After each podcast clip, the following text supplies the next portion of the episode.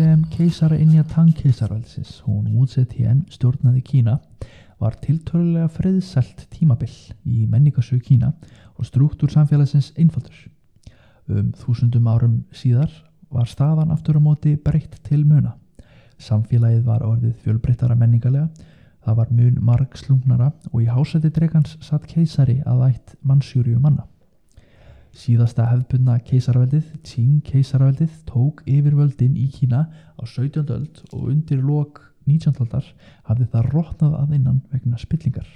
Innrása erlendra afla og byltinga héruðum landsins sem gerði það verkum að veldið fjallloks árið 1911 þegar byltingamenn gerðu enn eina byltinguna með Sun Yat-sen í fórustu.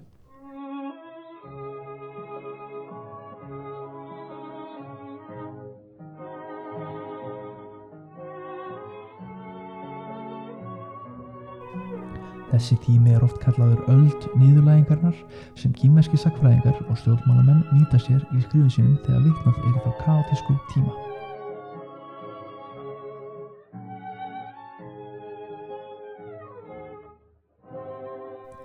Á 19. öld hafði ríkið gengið í gegnum tvö ópjumstríð við breyta sem opnaði hafnir fyrir viðskipti erlendis frá. Vegna vannþróunar hernaðlega átti kýmverski herin ekki möguleika þegar herskipennar háttegnar réðist á hafnaborginar með nútímalegasta, best búna sjóherr þess tíma og öllu því magni ópjums sem sló á kýmverska þegna keisarveldisins. Árið 1911 höfðu átök e, 19. aldar haft þau áhrif bæði innan veldisins og að utan að kýmverska keisarveldið fjalli í seinasta skiptið. Stuttu eftir það var sett á stopn líðræðislegt stjórnarfyrirkomlag þar sem byltingamæðurinn Sun Yat-sen var kjörinn fyrsti fórseti kýmverska liðveldisins. Árið 1925 lest Sun Yat-sen af öllum krabbamennis og hafði annar einstaklingur, hann veitir Chiang Kai-shek, barist fyrir því að vera næst ráðandi í ríkistöðinni. Hann varð fyrir valinu sem nýri leðtói í ríkistórnarinnar og liti hersinn og samfélag í það átt að samveiningu er fylgja og svæða sem herrfóringar börðust um að fá stjórna. Árið 1927 náði hann stjórni við flestum þeim svæðum sem herrfóringarna réðu yfir og saminnaði ríkið um stutta stund. Þessi sigur hans vannst með miklu ofbeldi blóðsúthellingum þar sem til dæmis hundruðir ungra manna og hvenna voru drepin með köldu blóði af herrmönum sem störfuðu undir Chiang Kai-shek. Þetta átti sér stað í Shanghai eh, sem var og er ennþann dag í dag stærsta, alþjóðlegasta og einn mikilvægasta hafnaborg landsins. Flestir þessara ungu manna sem voru drefnir á þessum tíma voru kommunistar en Chiang Kai-shek sá ekki möguleika á samstarfi á milli ríkistórtans og þeirra með Mao Zedong í fóristu. Í gegnum allar þessar blóðs útælingar þá fjækt Chiang akkurat það sem hann langaði í. Kýmverska ríkið undir hans vald og á því sama herransári giftist hann konu að nafni Song Mei-ling. Song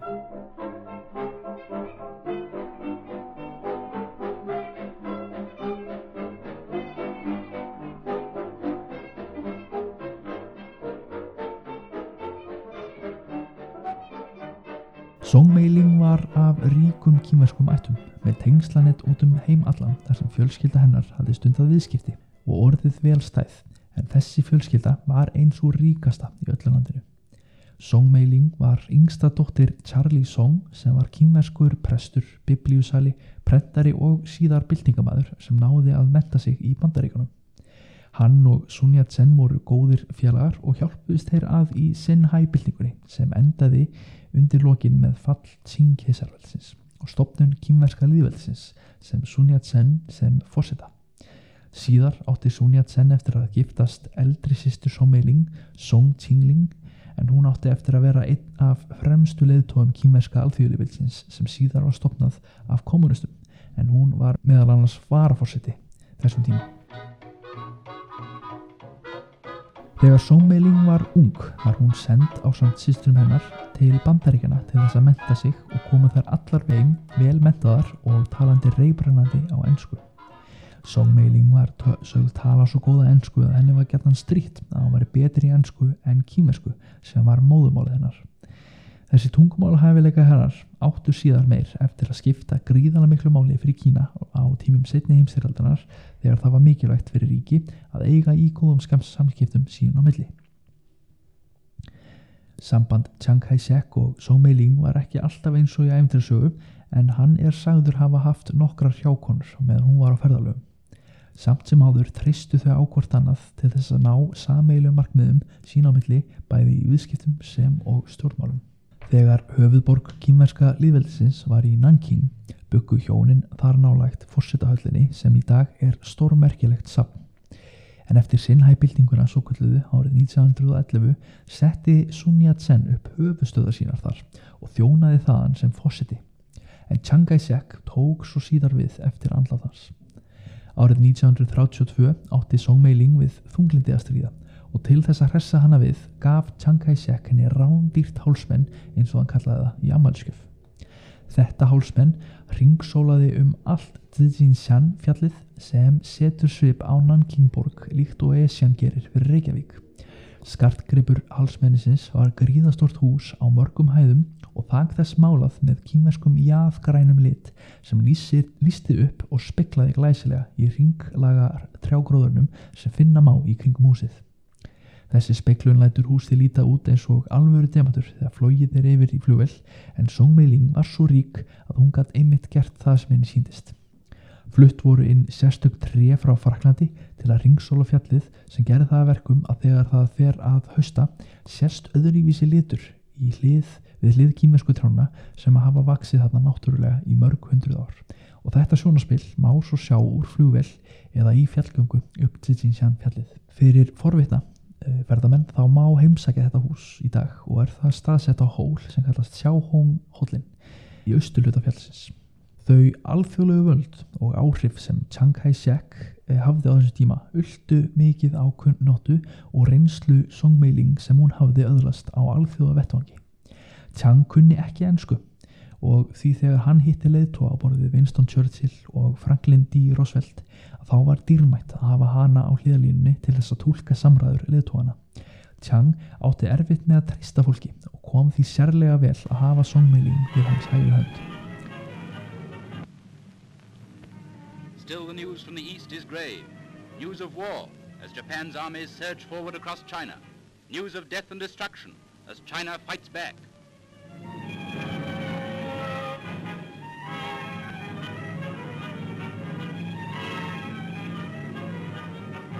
Bombs have fallen on the international settlement in Shanghai as well as in the Chinese city.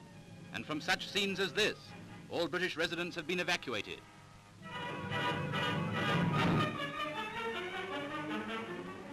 And once again the world is shocked as war flares. Eftir árás Japan á Pearl Harbor í Hawaii í setni hýsturöldinni var Chiang Kai-shek ekki bara kýmversku liðtói sem átti í stríði gegn Japanum heldur var hann, hann og Kína hluti af bandalagi stórveldana miklu. Árið 1943 heittust Chiang Kai-shek, Song Mei-ling, Winston Churchill og Franklin D. Roosevelt í Cairo til þess að ræða framtíð Asju eftir endalók setni heimstæraldarinnar. Þessi fundur per se markaði engin þáttaskill og ákvarðanir teknar á fundurum skiptu ekki sköpum fyrir þróun al alþjóðamála í framhaldinu en þessi atbyrður í sögu strísins var þráttur það mjög tákrænt fyrir Kína og stöðu þess þegar komað alþjóða stórmálum. Þetta var tímið þar sem öðlindir í Asju og Afríku voru ennþá jætnar upp af nýlendu herrum vesturlandana en í Kína gæt í fyrsta skipti í gegnum öllniðurlæðingarnar svo kallu setið þeirra á meðal sem jafningi. This new great council of war had assembled in North Africa to lay down far-reaching plans for the future prosecution of the war in general and operations against Japan in particular. Britain, America and China expressed their resolve to exert unrelenting pressure on Japan compelling her to disgorge the territory she has seized and occupied even before the First World War in 1914. A battery of cameras make a day of it while the stars shine. Ranged behind the three great men are the political and diplomatic advisers of the three nations. It is no exaggeration to say that to see General Chiang Kai-shek and his wife in this Allied assembly was a very real pleasure to everyone.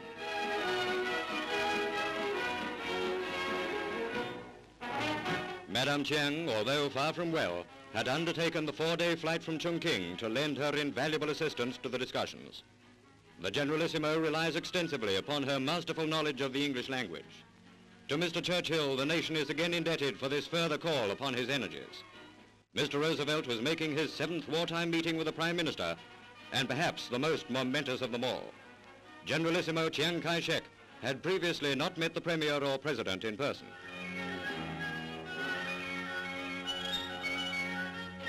Of the Allied Chiefs of Staff, we may, without naming them all, say that never before had so many powers behind the service thrones been gathered together. The worldwide character of the struggle dispels the illusion that hemispheres divide the wars into separate conflicts. This three-power conference brings into prominence the realization that the war in the East and West is universally indivisible. Every indication now points to an intensification of warfare in the Pacific and Southeast Asia. A busy time for the newsreel cameramen and photographers. Flashlight globes littered the lawns as a small army of men recorded the scene for posterity. Speculation had it that the other long-anticipated three-power meetings were on the secret agenda. Meanwhile, a clear-cut policy on Japan had already been shaped around the conference table in North Africa. Til er mynd af þessum fundi þar sem valdamestu leiðtóa ríkjana þryggja sita saman við hlið þeirra satt Song Mei-ling og spjallaði við Winston Churchill í róliheitunum. Sama ár átti hún eftir að vera fyrsti einstaklingurinn af kýmverskum uppruna og aðeins önnur konan í sögunni til þess að halda ræðu fyrir frá þingmenn í bandaríska þinghúsinu í Washington D.C. The First Lady of America greets the First Lady of China.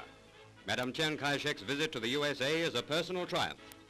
The first private citizen of any country to address the House of Representatives in Washington, Madam Chiang receives a tremendous ovation. First of all, I want to assure you that the American people have every right to be proud of their fighting men in so many parts of the world. We in China, like you, want a better world, not for ourselves alone, but for all mankind. And we must have it. It now remains for you, the present representatives of the American people, to point the way to win the war, to help construct a world in which all peoples may henceforth live in harmony and peace. Song Mei-ling var s- einstakur karakter í sögunni. Hún hafði engan óperlega titil sem stjórnmálamaður og þessum tíma var til dæmis bara ein þingkona í bandarinska þinginu en engin kona satt í því breska. Mjög fáar konur voru þekktar fyrir utan landsteina landa sinna en Song Mei-ling var í sviðslósinu utan Kína dagstaglega.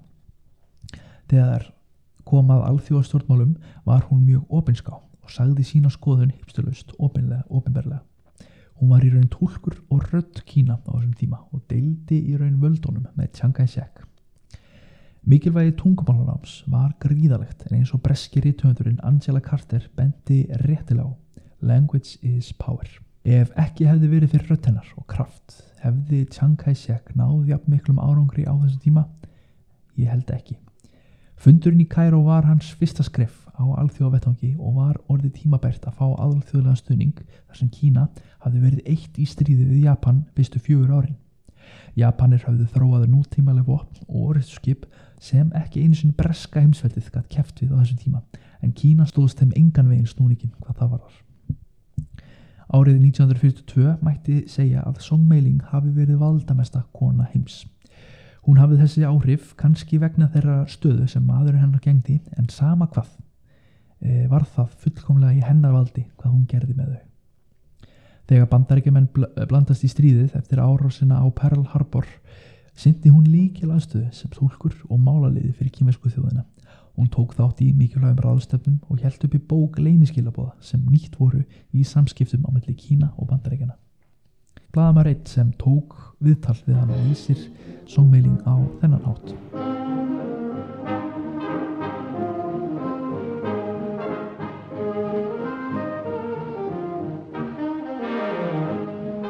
Hún er snögg og bráðgáð.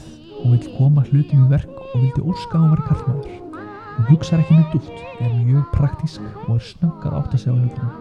Hún er hreinskilin og kemur til dyrana eins og hún er klætt. Hún er kvartvís og skörp, mjög snjöll kelling. Hún þrýstir á alla, er mjög orkumikill og elskar völd. Hún blómstrar í fjöl, fjölmiðla fári og drekkur í sig hrós hvaðan sem það kemur. Þegar herin þurfti á stuðninga að halda var hún mætt á fund herfóringja til þess að spyrja hvað þurftu mikið búnað til þess að geta barist áfram.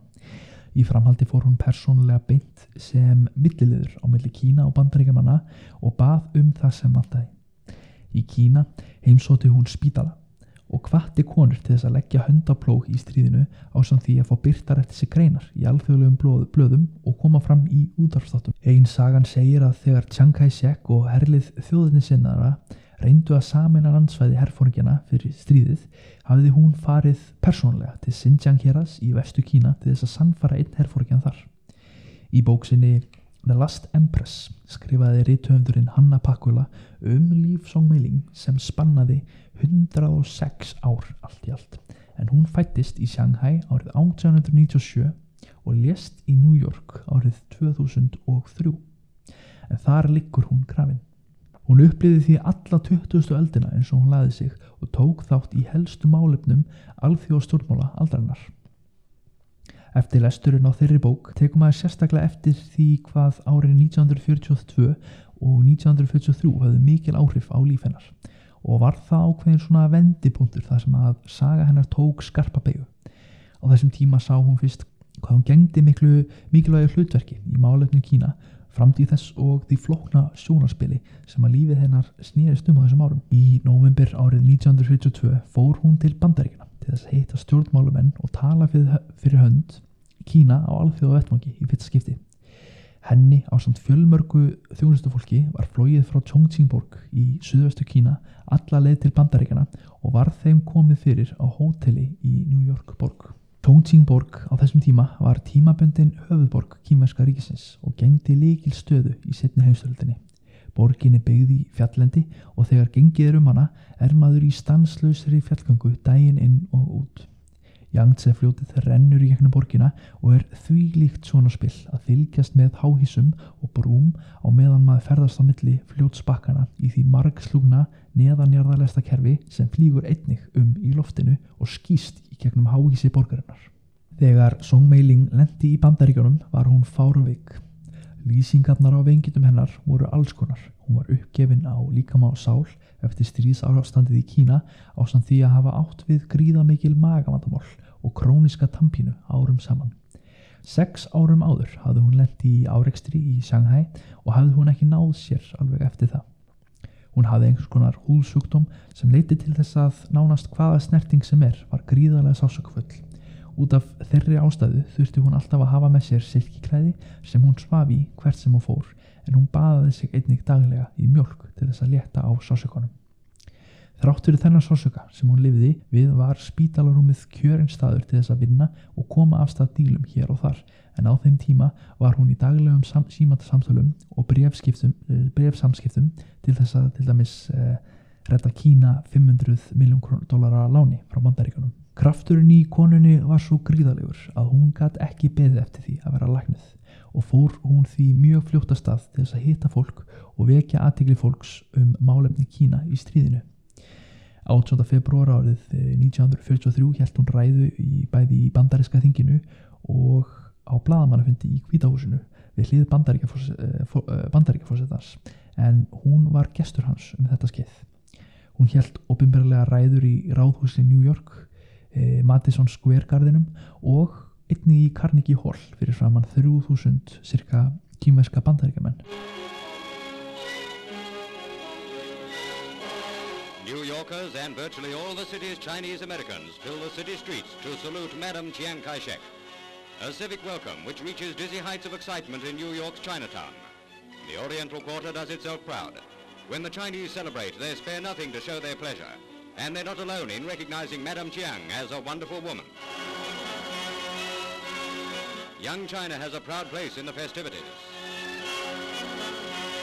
Young China has other places too. And here she comes. With a bodyguard of Secret Service men clinging to her car, Madame Chiang gets the welcome of a lifetime.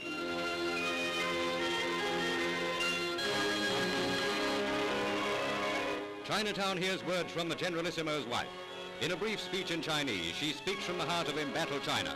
All the blazing courage of this tiny woman who, through six years of war, has led her nation onward.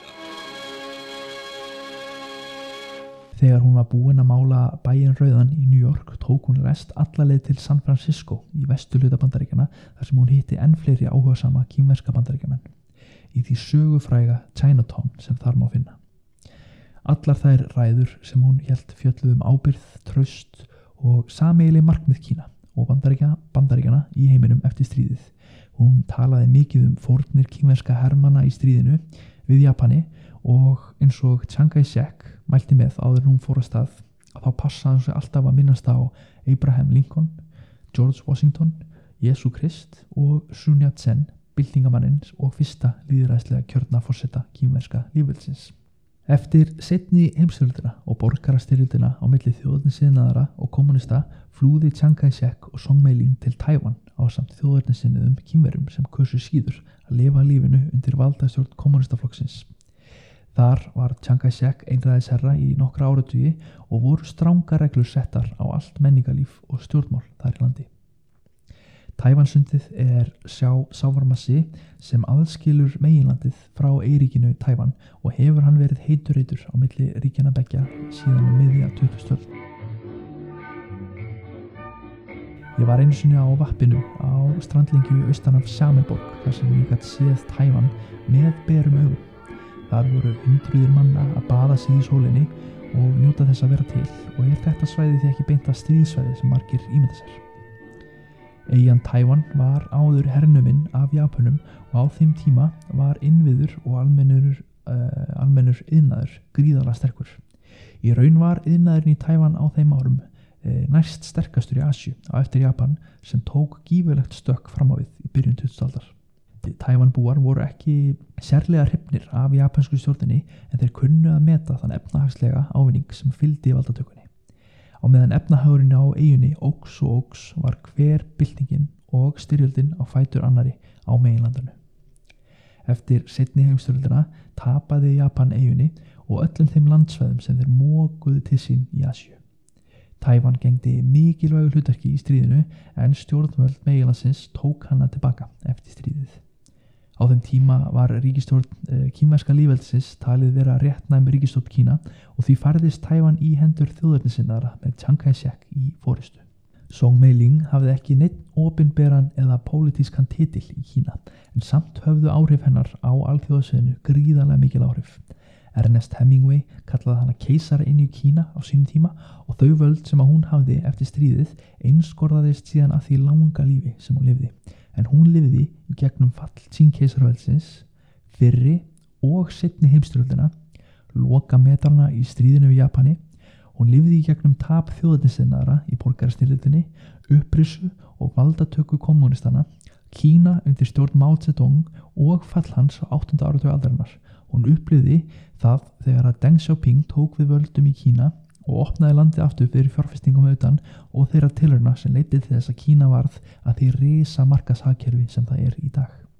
Song Mei-ling var eitt sinn þekkt fyrir að vera moldrík, gullfalleg og einstaklega valdamikil kona sem liði sína síðustu daga í íbúsinni glápand út um klukkan nálat Greisi almenningskarðinum í New York.